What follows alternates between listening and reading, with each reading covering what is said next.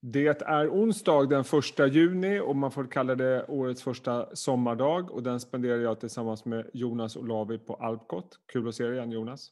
Kul att eh, du hör av dig ner från Skåne. Ja, och eh, jag tänkte då eftersom det är första juni så, så får vi väl ändå börja med lite traditionsenliga sommarfunderingar, eller hur? Absolut. Eh, och det ska även du och jag prata om. Jag tänkte vi slänger oss rätt in i det och du har en ett antal funderingar. Vi börjar med den som jag tror de flesta funderar kring. Eh, I stort sett varenda förvaltare jag pratar med eh, vill prata inflationen. Är ja. den eh, övergående eller är den här för att stanna? Hur resonerar du?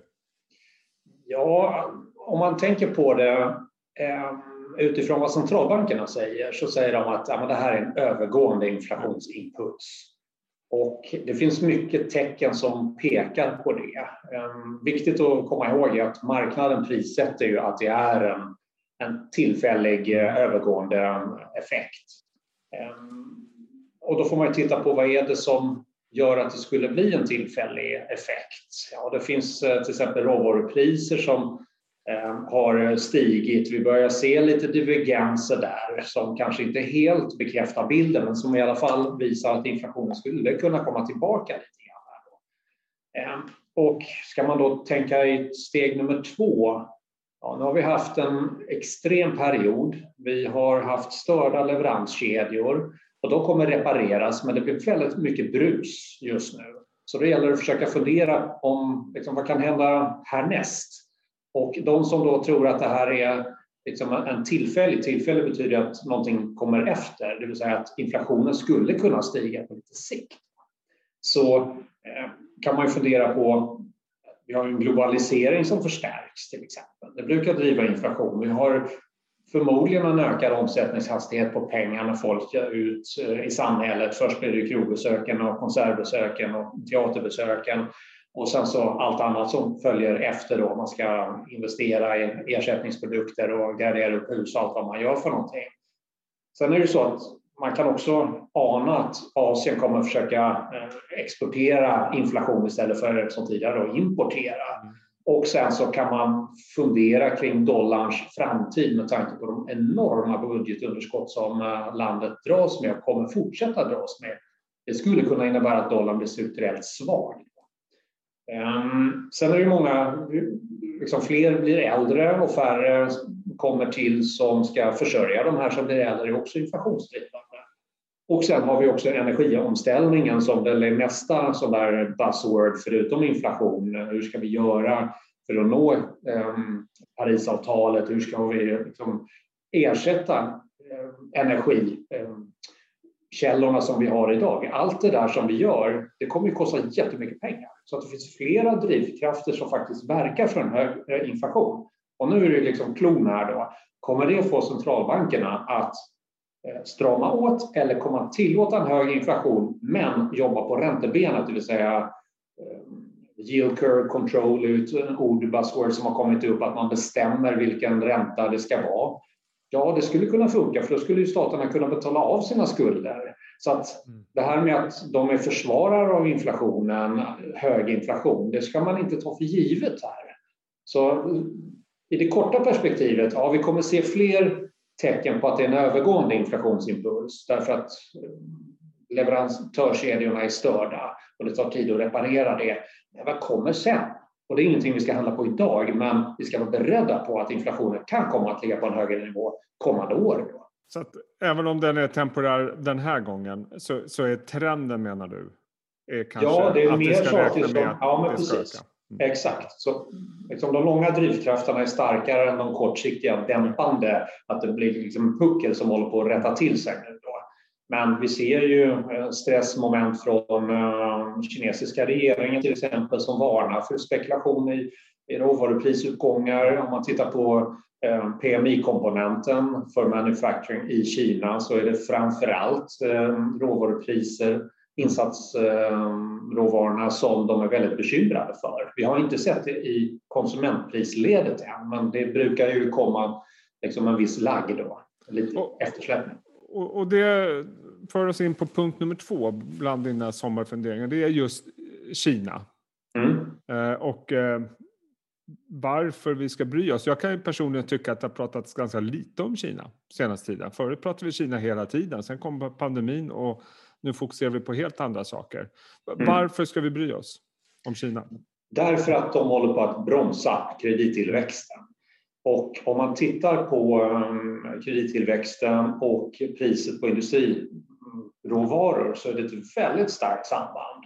Och när Kina drar i handbromsen, som man gör just nu, då kommer priserna falla eh, som ett brev på posten. Och det här är ett eh, långsiktigt samband som är väldigt, väldigt tydligt om man lägger på de här båda graferna och så tippar man ehm, fram tidsserien då 8-9 månader. Då ser det ut som det är samma kurva.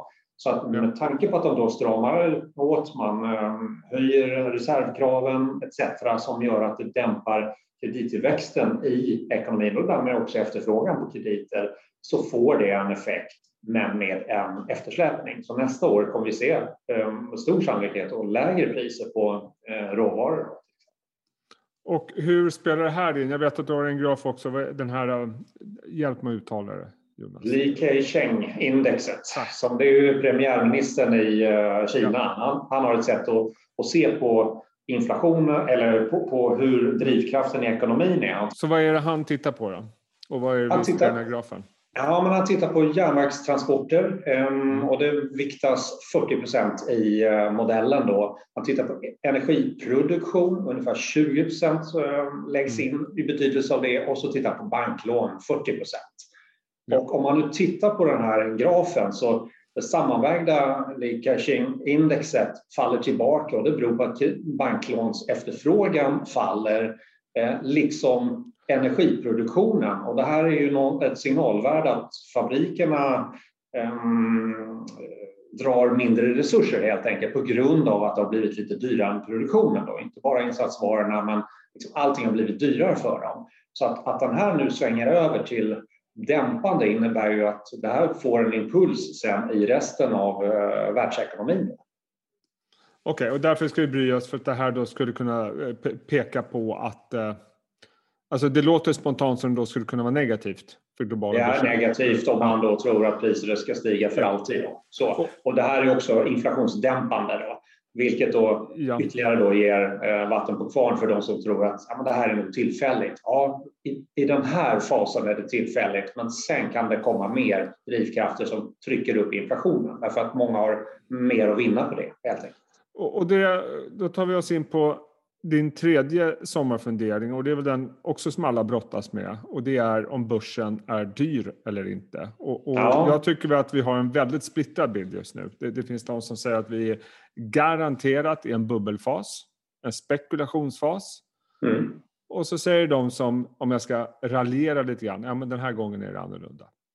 Det, ja. har låga räntor och så vad, vad, vad säger du om vi bara spontant börjar titta på ur ett historiskt perspektiv? Är värderingen hög eller inte? Ja, om man tittar på Schiller PE eh, som tar ett tioårssnitt då för att eh, få bort en eh, kortsiktig tillfällig effekt. Titta på en, en liten, ett längre perspektiv över en cykel. Då ligger det amerikanskt Chili PE på 37. Det toppade år 2000 när det var helt tokigt på 45, så det är näst högsta mätningen sedan 1880. Å andra sidan så är räntan har under den här långa tidsperioden aldrig varit så låg. Så att det, det, finns ju liksom en logik till varför det ser, ser ut som det gör. Då. Men finns det inte också då en logik till att ränteoron att den är mer motiverad än någonsin. Det vill säga att om den här röda kurvan, då, räntan, skulle börja trenda uppåt. Mm. Alltså därför kan man kanske förstå att marknaden är så fokuserad på riktningen på räntan.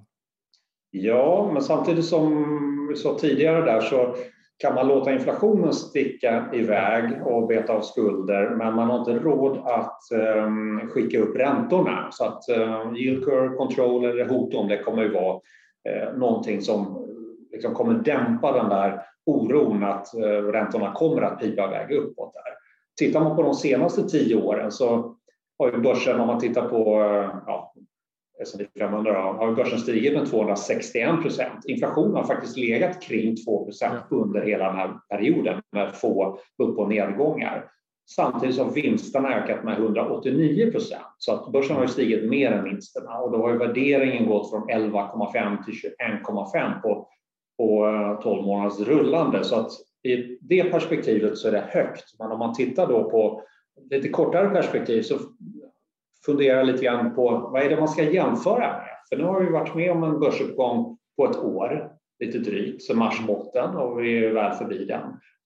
Men hur har det sett ut då? Ja, från botten så har ju börserna, om man tittar på genomsnittsbörsen och, och vi tittar på mogna marknader så har börserna stigit med 78 procent. Men från februaritoppen så har börserna bara stigit med 9 procent. Så det är lite grann, i det korta perspektivet, vad är det vi ska titta på? Genomsnittligt så har P-talen då från den här eh, februari till P nu stigit från 15 till 17. Så P-talsförändringen är 15 procent, men vinsterna har fallit med 10 procent. Ja. Och det gör då att jag inte är speciellt orolig därför att vinsterna kommer att trycka på här och nu rör sig börserna lite mer sidledes då med aning om att andra derivaten börjar försvagas även om det blir ett jättefint avkastningsår vad gäller BNP-tillväxt nästa år så har ju marknaden redan spelat ut det kortet.